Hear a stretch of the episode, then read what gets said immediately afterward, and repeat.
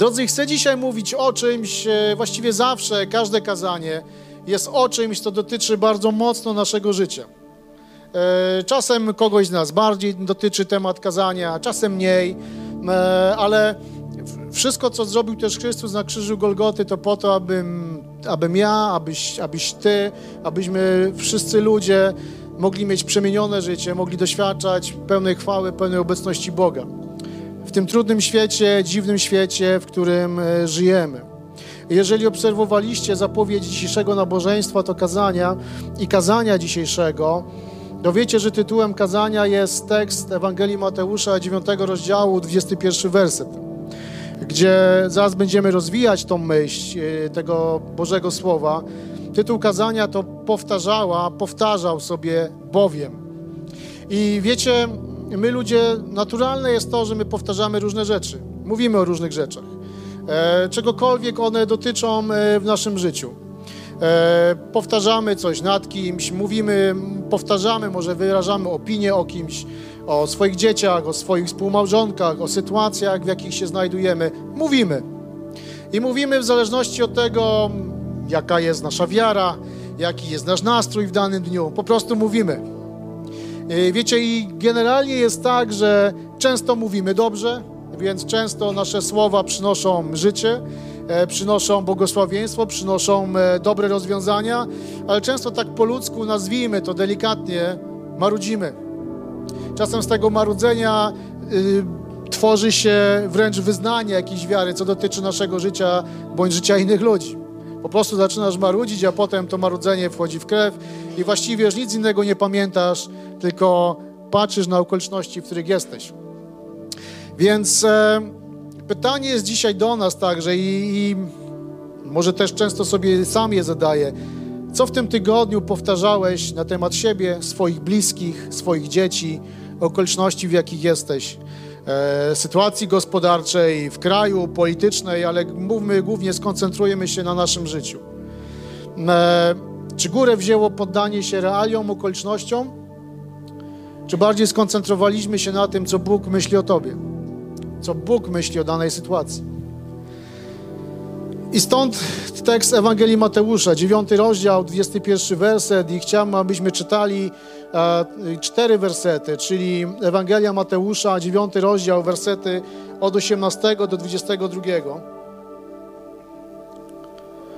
I ten y, urywek, ten akapit Pisma Świętego jest w moim tłumaczeniu nazwany przywrócenie zdrowia i życia.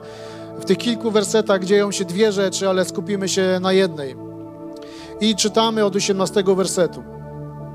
Gdy to do nich mówił, przyszedł pewien przełożony synagogi, złożył mu pokłon i powiedział: Właśnie umarła moja córka. Przyjdź jednak, połóż na nią swoją rękę, a będzie żyła. To jest wiara. Jezus stał więc i wraz ze swoimi uczniami udał się za nim. Wówczas pewna kobieta od 12 lat, cierpiąca na krwotok, podeszła z tyłu i dotknęła frędzla jego szaty. Powtarzała bowiem sobie, gdybym tylko mogła dotknąć jego szaty, byłabym ocalona. A kiedy się to stało, Jezus odwrócił się, spojrzał na nią i powiedział: Bądź dobrej myśli. Córko, twoja wiara cię ocaliła. I od tamtej pory kobieta była zdrowa. I tyle. chciałbym, abyśmy skoncentrowali się na tym drugim wątku, e, który gdzieś wplótł się w całą tą historię, ale jest, jest niesamowicie kluczowy. I to jest właśnie tytuł dzisiejszego kazania, e, dzisiejszego przesłania. Powtarzała bowiem sobie.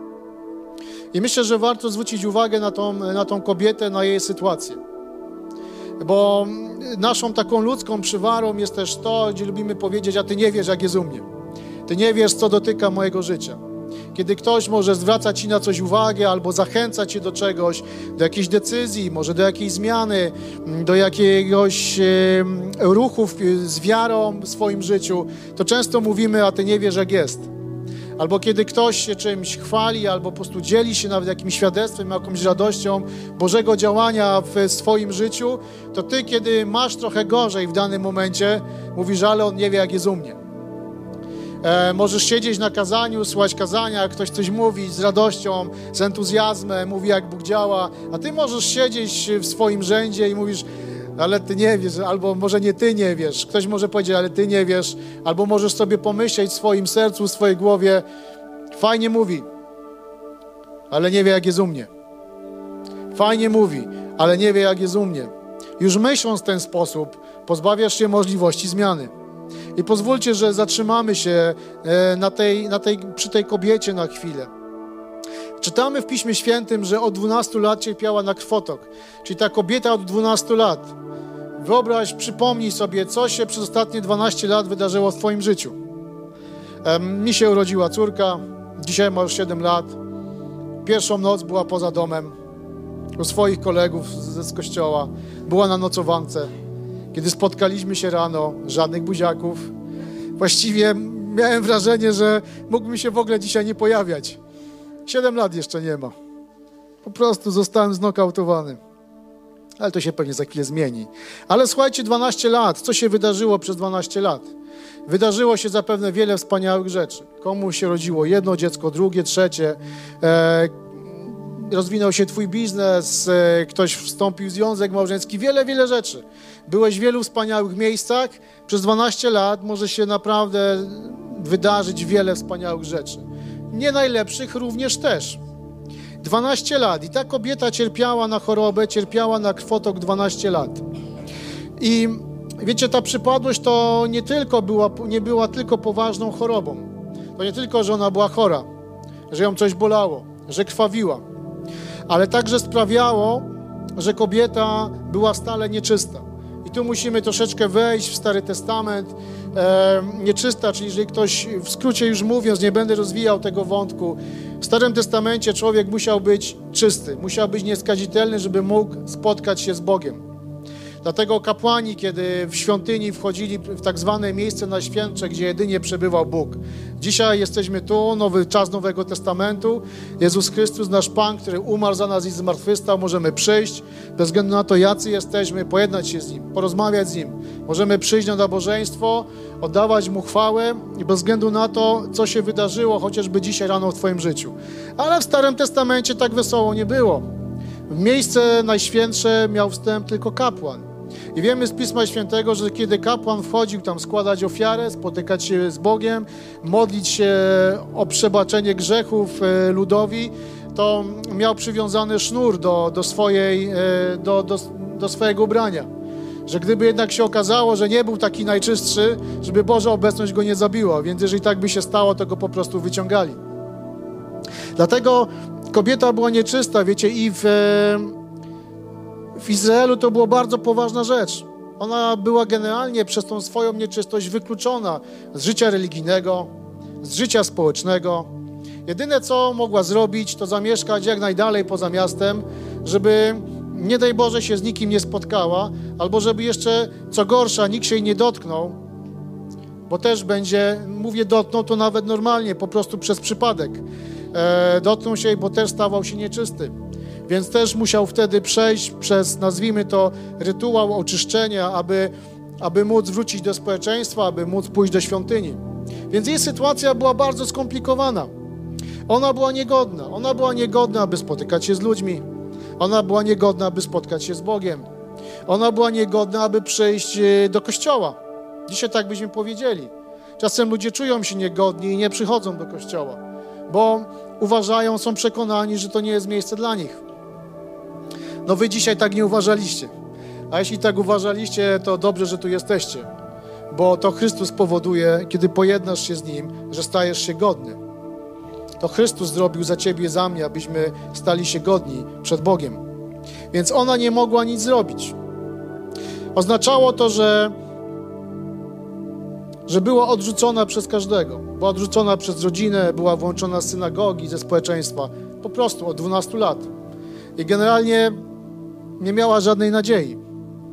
Nam, jeżeli coś się nie źle ułoży, jeżeli coś się źle ułoży w życiu zawodowym, w biznesie, zawsze jest nadzieja, że to się może poprawić. Zawsze coś się może udać. Możesz zmienić pracę, e, coś się zmieni. Ona była w sytuacji, w której nic dobrego jej nie mogło spotkać. Nikt e, dobrze na nią nie spojrzał. Ty czasem, kiedy masz zły nastrój, może przyjdziesz w jakieś miejsce i ktoś do ciebie się uśmiechnie klepnie cię i powie, słuchaj stary, będzie dobrze. Czasem to jest mało, ale przynajmniej się ktoś uśmiechnie. Ona była w całkiem innej sytuacji.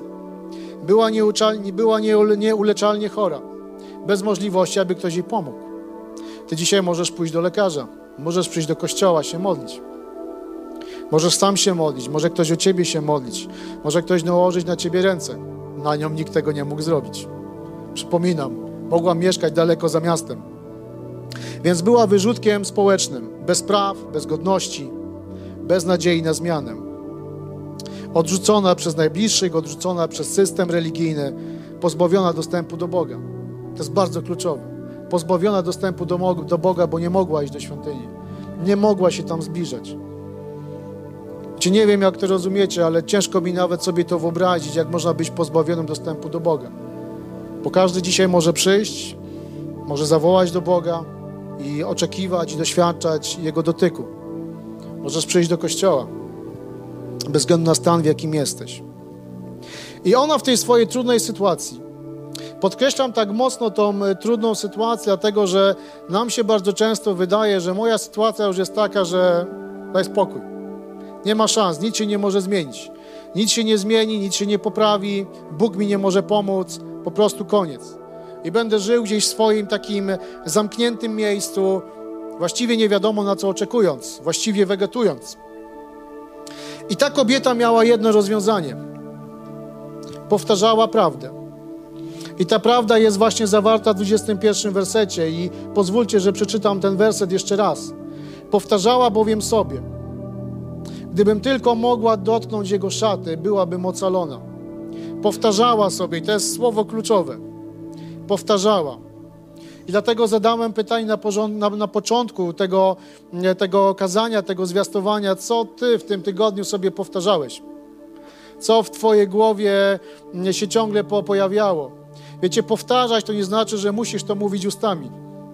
Ale najczęściej nam powtarza nasz, nasz mózg. My sobie myślimy coś o kimś, o sobie. I ona powtarzała prawdę. A prawdą było, że jeśli dotknie się Jezusa, będzie ocalona. Powiedziała o Jezusie, słyszała o Nim. Nie bez powodu był tam tłum, byli ludzie.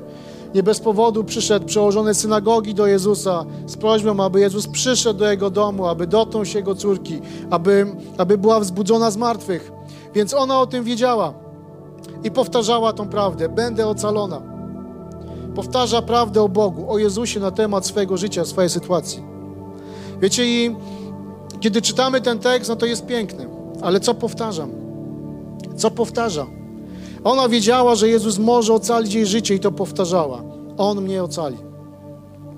Więc kochani, co my powtarzamy w swojej sytuacji materialnej, w swojej sytuacji rodzinnej, małżeńskiej, zdrowotnej? Ona powtarzała. 12 lat była w trudnej sytuacji. Odrzucona przez wszystkich. Wiecie, ona przyszła tam, gdzie nie wolno jej było być. Nie było jej wolno być między, między ludźmi. Przyszła tam, aby spotkać się z Jezusem. Wiecie, my bardzo często, mając różne problemy, czasem dużo problemów, czasem te problemy są przez nas bardzo mocno wymyślone, wzmocnione, właśnie może naszą niewiarą, bo koncentrujemy się na okolicznościach, to, co jest wokół nas. Wiecie, Księga Przysłów, 18 rozdział, wersety 20 do 21, możemy czytać Owocem własnych ust człowiek nasyca swe wnętrze. Syci go plon jego warg. I werset 21. Śmierć i życie są w mocy języka. Kto umie się nim posługiwać, korzysta z jego owocu.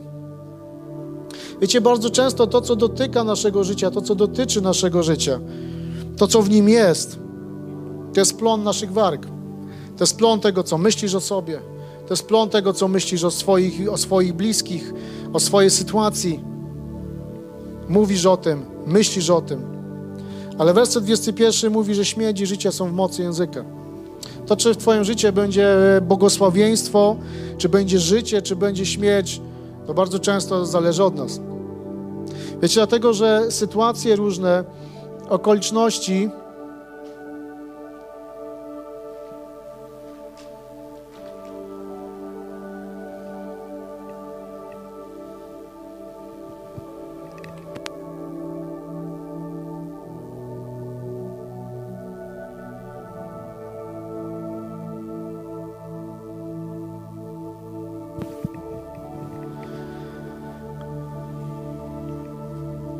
często rzeczy, które dzieją się w naszym życiu, są wynikiem tego, co, co myślisz, co mówisz, co robisz.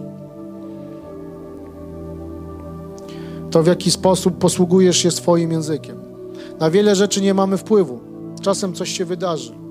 Czasem może po prostu ktoś zwolni cię z pracy. Coś, coś, coś się zrobi, po prostu zachorujesz. Ale to, co ty potem z tym zrobisz, to już zależy od nas w dużej mierze. O tym, czy podgrzewasz nieprawdę w swoim życiu, czy podgrzewasz prawdę, to, co myśli Bóg o tobie. Więc możesz powtarzać prawdę lub kłamstwo na temat Boga, na temat siebie, na temat swojej sytuacji. Więc możesz to robić. Ale możesz budować słowa życia, które będą rozwijały Twoje życie.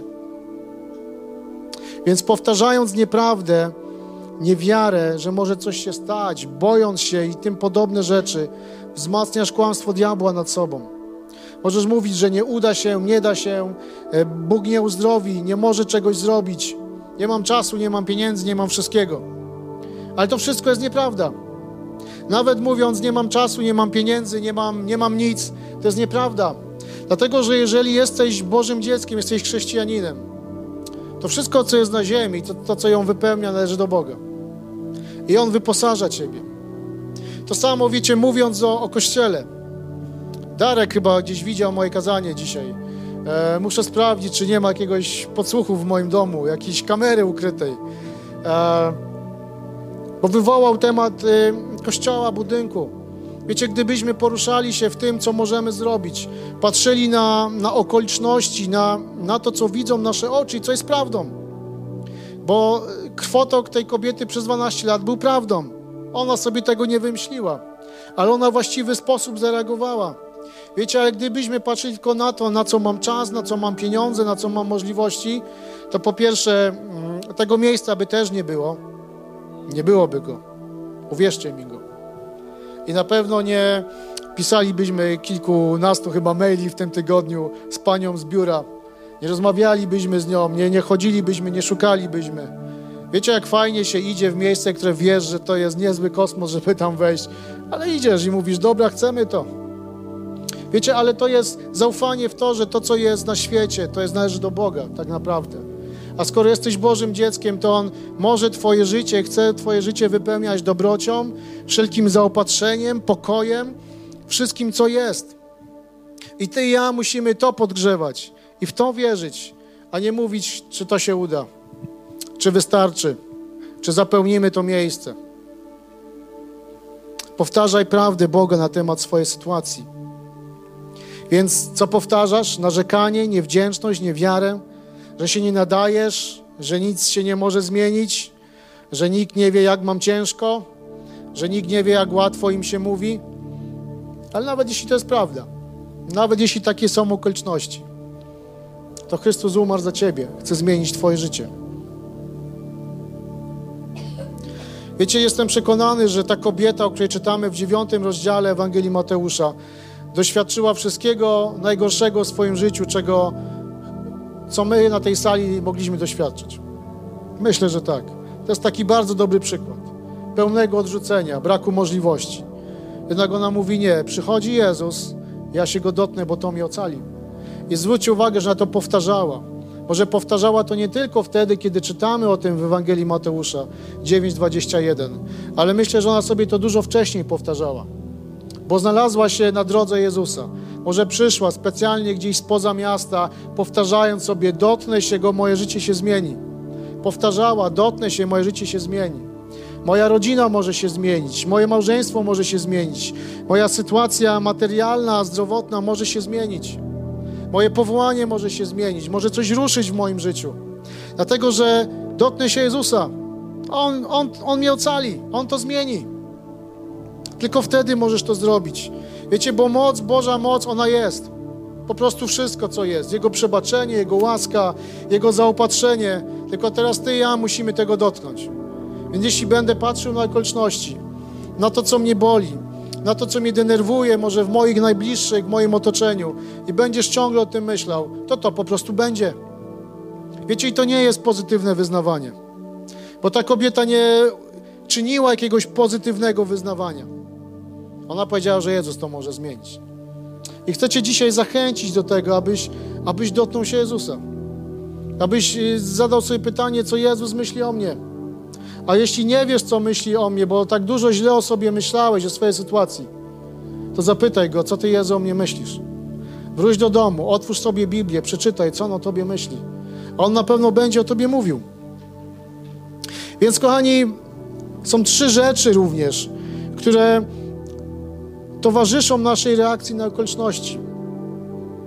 Jeśli mogę, to pozwólcie, że o nich kilka słów powiem. Pierwsza rzecz to strach. Pierwsza rzecz to strach. Wiecie, i 25 rozdział Ewangelii Mateusza e, przytacza przypowieść Jezusa o człowieku, który wyruszył gdzieś w jakąś daleką podróż, miał trzech sług. E, mam nadzieję, że dobrze odmieniam, że gramatycznie mówię. Jeśli nie, to skołczujcie mnie po nabożeństwie. Miał trzech sług. Dobrze? Śmiejecie się, czyli no, zobaczymy. Wrócimy po nabożeństwie, ok, róbcie kawę, przygotujcie ciasto, to będą trudne rozmowy. Ale Biblia mówi, że jednemu słudze dał pięć talentów, drugiemu dał trzy talenty, trzeciemu dał jeden i generalnie mieli tym zarządzać, aż on wróci. Więc dwóch, pierwszy, dwóch pierwszych podwoiło ten majątek, a trzeci Biblia mówi, że on schował to, zakopał w ziemi, bo się bał swojego Pana. Więc sobie wydedukował, nie stracę, nie zyskam, nie stracę, będzie miał to samo, co, co mi dał. Nie powinien narzekać. I 25 rozdział, 24, e, 25 werset mówi: Panie powiedział, przekonałem się, że jesteś twardym człowiekiem, żniesz, gdzie nie posiałeś, zbierasz, gdzie nie rozsypałeś. Wiecie, ta historia, ta przypowieść kończy się tak, że oczywiście ten właściciel, ten, e, ten jego pan zdenerwował się, e, jakaś inflacja pewnie była, więc i tak stracił. Ale miał go pomnożyć. Miał pomnożyć, ale nie zrobił tego. Dlaczego? Bo się bał. Zakopał swój talent ze strachu. Więc tą przypowieść możemy też e, odbierać w ten sposób, że to jest właśnie talent, to, są, to jest obdarowanie także, które Bóg daje człowiekowi, daje wierzącym. Więc on zakopał, cokolwiek to było, zakopał ze strachu. Wiecie, i strach powoduje, że wielu ludzi zakopuje swoje talenty w ziemi, swoje możliwości, to, co Bóg chce dać do Twojego życia. Zakopuje swoje powołanie, bo się boją, bo jest strach, że coś się nie uda. Może właśnie on się bał, że jak zacznie obracać tym majątkiem, to coś nie wyjdzie w tym biznesie i straci. A nie daj Boże, jeszcze będzie musiał ze swojej kieszeni dołożyć. Więc strach. Bał się tego. Bał się odpowiedzialności. Wiecie, ludzie zakopują, wypowiadają lub myślą negatywnie ze strachu przed porażką. Czasem lepiej rzeczywiście się schować, niż tak jak ta kobieta powiedzieć, dotknie się Jezusa, On zmieni moje życie, On mnie ocali. Bo w naszej głowie się, się urodzi pytanie, a co jeśli nie? Co jeśli się wydarzy, kiedy będę modlił się o uzdrowienie i nic z tego nie wyjdzie? Co jeśli się wydarzy, jeśli będę się o kogoś modlił i się nic nie wydarzy? Wiecie, może się nie wydarzy, dlatego że my za często myślimy o tym, a co jeśli? A co jeśli? A co jeśli? I myślę, że ten, ten człowiek myślał tak samo. A co jeśli? Schowam, zakopię, wróci, oddam mu, będziemy rozliczeni ale nie taki był plan dla jego życia. Wiecie, zakopujemy nasze obdarowanie, nasze talenty ze strachu przed porażką, bo się boimy, przed wyśmianiem, że ktoś powie, ale co ty człowieku robisz? Również przed ciężką pracą, przed nieznanym, e, ze, strachu przed człowiekiem, może właśnie przed tym, co ktoś kiedyś wypowiedział nad Twoim życiem. Może Twoja babcia, może Twój dziadek, może Twój tata, Twoja mama może to ciągle coś nad Twoim życiem pracuje. Co ktoś kiedyś powiedział? Co ktoś kiedyś powiedział o Twoim życiu? Może o Twojej służbie, może o Twoim powołaniu, może o Twoich pomysłach i to punktuje w Twoim życiu. Co ktoś kiedyś powiedział? Jeśli ciągle myślisz, co ktoś kiedyś powiedział o Tobie i nad Twoim życiem, czy może nawet wypowiedział jakąś formę przekleństwa nad Twoim życiem, to powinieneś dzisiaj to zostawić Bogu. I chcę Cię zachęcić, jeśli jest coś takiego, to, to chcę się z Tobą Cię modlić o to, aby to się zakończyło, bo nigdy nie pójdziesz do przodu. Kiedy będziesz myślał, co ktoś powiedział o Tobie czy nad Tobą, zamiast to, co myśli Bóg o Twoim życiu i o Tobie. Wiecie, i w większości przypadków strach jest tylko mirażem, fatamorganą. Wygląda z daleka, że coś jest. Boimy się go Ale kiedy zbliżasz się do Niego, On staje się coraz mniejszy, coraz bardziej przezroczysty, aż okazuje się, że nic nie ma. To jest strach. Kiedy zaczynasz to wchodzić, kiedy zaczynasz y, dotykać jakiegoś tematu, nagle okazuje się, że strachu już nie ma. Szczególnie kiedy idziesz z Chrystusem. Jednak zmierzenie się ze strachem wymaga odwagi, bo ty musisz zacząć w tym kierunku iść. Ale kiedy boisz się czegoś, oddajesz to Bogu, to możesz być pewny, że, że to zniknie i wejdziesz w te rzeczy. Większość ludzi, którzy zaczynają coś robić większego, na pewno się boją w pewnym momencie, albo przynajmniej mają jakąś obawę. Co będzie? Ale z Bogiem nie musisz się tego obawiać. W końcu dwóch pierwszych sług zrobiło niezły biznes. Nie wiadomo, dlaczego ten trzeci to wszystko schował. Mógł popatrzeć na swoich kolegów, pogadać z nimi. Słuchajcie, jak wy to robicie? Pomóżcie mi. Nie bój się.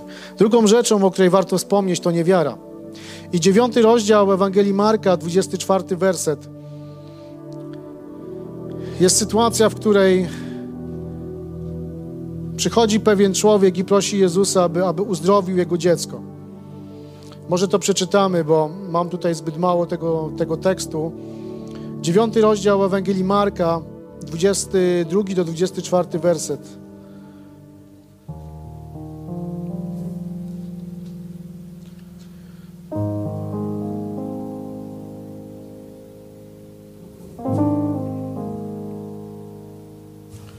Czytam od 22 wersetu.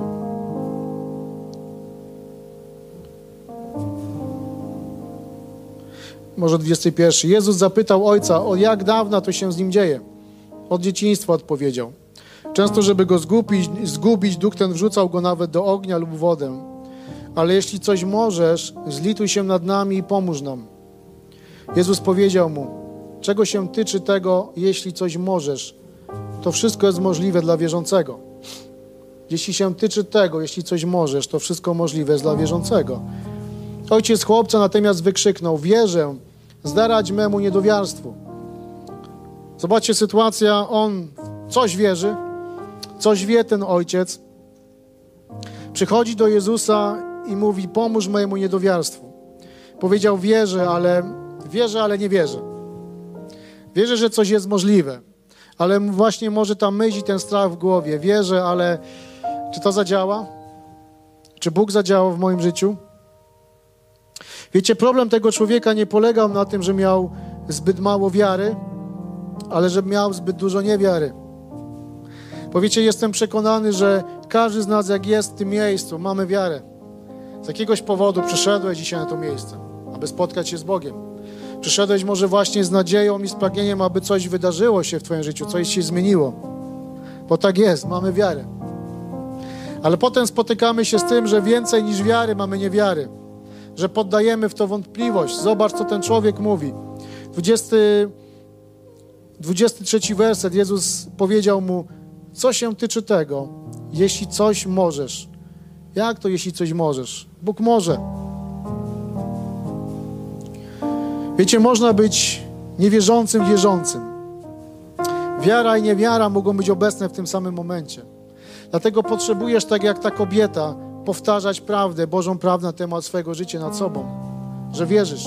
Powtarzaj. Jeśli zaczniesz to powtarzać dzisiaj, jutro, pojutrze, to jest wielka szansa i nadzieja, że za miesiąc to już będzie pieśnią Twojego życia. Że wierzysz, że On dotyka i zmienia, że może Cię ocalić. Więc wiara ma moc przynosić góry, jednak nie wiara unieważnia moc wiary. Wiara jest, Boże działanie jest, ale kiedy zaczniesz kalkulować, tego nie będzie. Wiecie, Biblia też mówi, co siejesz, to i zbierać będziesz. Więc jeśli wzmacniasz niewiarę w swoim życiu, to w tym będziesz żyć. Ciągle z pytaniem, czy Bóg coś może zrobić. Ciągle z tym.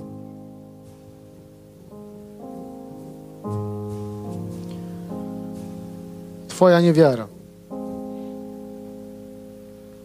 I trzecia rzecz, o której chcę wspomnieć, to wymówki.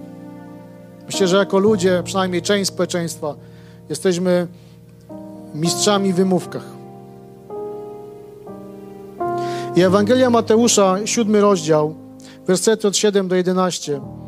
Pozwólcie, że przeczytamy. I obiecuję, że to będzie jeden z końcowych tekstów, prawdopodobnie. Ewangelia Mateusza, siódmy rozdział, wersety od 7 do 11. I czytamy: Proście, a będzie wam dane. Szukajcie, a znajdziecie. Pukajcie, a otworzą wam. Każdy bowiem, kto prosi, otrzymuje, kto szuka, znajduje, a kto puka, temu otworzą. Czy jest pośród was taki człowiek, który, gdy syn go prosi o chleb, podaje mu kamień? Lub gdy poprosi o rybę, podaje węża? Jeśli więc wy upadli ludzie, wiecie jak dawać dobre dary swoim dzieciom, o ileż bardziej wasz Ojciec, który jest w niebie, da to, co dobre tym, którzy go proszą. Proście, a będzie wam dane. Pukajcie, szukajcie, otworzą wam, zaspokoją wasze potrzeby. I myślę, że to, co charakteryzuje tą kobietę, ostatni raz do niej wracam, to to, że ona szukała i pukała i otwarto jej drzwi.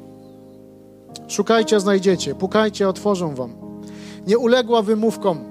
Wiecie, ona miała, myślę, bardzo gruby zeszyt, bardzo cienkim pismem dokładnie zapisany wymówkami, które były prawdą tą prawdą okoliczności jej życia. Jednak ona temu nie uległa. Nie otwarła sobie na stronie 56 swojego zeszytu, nie przeczytała tam i nie wzięła to za prawdę, gdzie pisało: Nie mogę tam iść, bo jestem nieczysta. Ludzie nie chcą mnie widzieć. Strona 126. Dotknie się ktoś mnie i zrobię komuś problemy. Narobię komuś problemów. Strona 420. Jestem nieakceptowana. Ludzie na mnie nie patrzą przychylnie. Nie czytała tego. Wiecie, mój zeszyt czasem był zapisany wymówkami, pewnie nieraz jest. Zawsze coś się znajdzie. Zawsze coś znajdziesz. Możesz to nawet dokumentować, potwierdzić, że tak jest. Wiem, że możesz powiedzieć, że pukać, prosić się, domagać to jest upokarzające. No my tak myślimy. Ja nie będę. Nasza duma jest często bardzo mocno rozbudowana, że jak to ja nie będę nikogo o nic prosił, nie będę prosił o pomoc, nie będę szukał, nie będę pukał, nie będę się prosić. I to często wchodzi także do naszego duchowego życia. No jest Bóg, ale ja nie będę walczył. Ja nie będę zabiegał o Jego obecność w moim życiu. Wiecie, jeśli szukamy wymówki, jeśli szukasz wymówki, i to jest prawda, zawsze ją znajdziesz. Zawsze coś będzie. Bo niektórzy z nas są za młodzi, niektórzy są za starzy, niektórzy nie są zbyt mądrzy, niektórzy mają za mało doświadczenia, za mało pieniędzy. Dla niektórych to nie ten czas, dla innych jest już za późno, za daleko, za blisko, bo ktoś jest niefajny obok mnie, bo ktoś coś, zawsze znajdziemy wymówkę. Wymówek jest mnóstwo i są one tanie, ale Bóg ich nie kupuje. Bóg nie błogosławi wymówek. Bóg błogosławi Twoją wiarę, Twoją odwagę, Twoje pukanie, Twoje szukanie. I co z tego, że popukasz do Bożych drzwi? On Ci będzie błogosławił. On nie będzie się nad Tobą znęcał, a nie chce popuka. Zobaczymy, jak długo wytrzyma.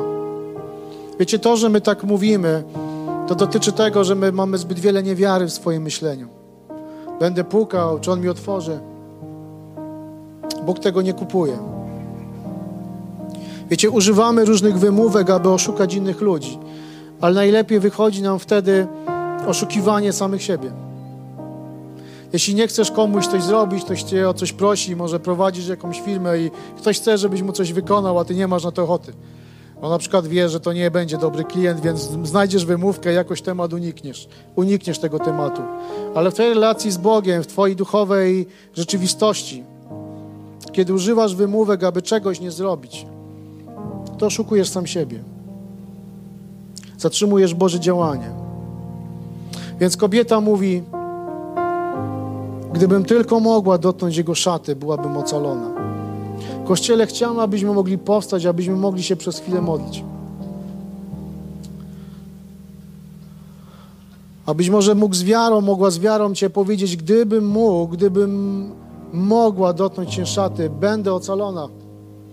Możesz wypowiedzieć to w modlitwie, te słowa: Moje życie będzie ocalone. Możesz e, przypomnieć sobie albo dotknąć jakiejś sytuacji życiowej i powiedzieć: Moje życie jest ocalone z Bogiem, z Jezusem Chrystusem. Księga Objawienia świętego Jana mówi w trzecim rozdziale, że tam jest opis, Bóg stoi, mówi, stoję i pukam do drzwi, kto je otworzy, wejdę do Niego i będę u Niego w domu, będę z Nim wieczerzał. Ja myślę, że kochani, potrzebujemy wypowiadać dobre rzeczy. Chcę Cię zachęcić, a kiedy będziemy, ja poproszę zespół, abyśmy mogli jeszcze przez chwilę uwielbiać Boga. Ale kiedy będziemy to robić, żebyś mógł, jeśli jest potrzeba, przeprosić Boga za rzeczy, które myślisz nad swoim życiem. Przeprosić Boga za rzeczy, które mówisz o swoich bliskich, które myślisz o nich. Przeprosić Boga za, za to, co myślisz o sytuacji, w której jesteś. Za swój strach, za swoją niewiarę, za swoje wymówki, za to, że oczekujesz na Jego działanie, Jego nie ma, ale tak naprawdę nie pukasz, nie stukasz. Dzisiaj chcemy modlić się o to. Chcę Cię zachęcić, zamknijcie oczy. Jeżeli cokolwiek z tego, co dzisiaj mówiliśmy, co czytaliśmy w Piśmie Świętym, dotyczy Twojego życia, to proszę podnieść na chwilę na, na znak, że możemy się modlić swoją rękę, żebyśmy wiedzieli, żebym wiedział, że możemy się modlić.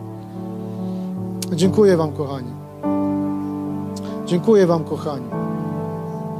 Jezu, dzisiaj z wiarą modlimy się. I chcemy, Boże, stać się ludźmi, którzy nie patrzą na okoliczności, którzy nie boją się i ze strachu zakopują swoje życie, zakopują swoje działanie. Dzisiaj, Panie, prosimy Cię i przepraszamy Cię za nasze wymówki. Przepraszamy Cię za naszą niewiarę, że więcej jest w naszym życiu niewiary, że więcej jest tych myśli, a co jeśli coś nie zadziała? A co jeśli Ty, Jezu, nie zadziałasz? Dzisiaj, Panie, modlimy się, abyś Ty zmieniał myślenie nas, Twoich dzieci, Twojego Kościoła. Abyśmy, jak ktoś może powiedzieć, nie byli głupi, a żebyśmy z wiarą wiedzieli, że Ty jesteś, Ty działasz. Dzisiaj, Panie, zmień nasze myśli. O naszych mężach, o naszych żonach, o naszych dzieciach, o naszych ojcach, matkach, braciach, siostrach, o okoliczności, w których jesteśmy. Panie, i daj nam ocalenie. Przynieś dzisiaj ocalenie tym, którzy go potrzebują, czegokolwiek ono dotyczy. Chcę Ci także zachęcić, abyś jeśli nie oddałeś, jak mówimy, swego życia Chrystusowi, nie stałeś się chrześcijaninem, nie powiedziałeś Jezu, jak chcę, abyś był Panem i Zbawicielem mojego życia. To kiedy będziemy śpiewać pieśń, możesz powiedzieć Jezu, ja Cię zapraszam do mojego życia. Ja chcę zacząć z Tobą nowe życie, chcę, abyś przebaczył mi moje grzechy. Panie, modlimy się, oddajemy Ci chwałę.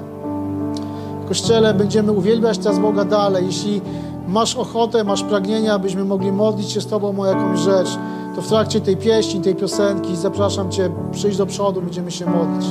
Jeśli trzeba coś złamać nad Twoim życiem, będziemy to robić w imieniu naszego Pana Jezusa Chrystusa. Niech imię Jezusa będzie uwielbione. Amen.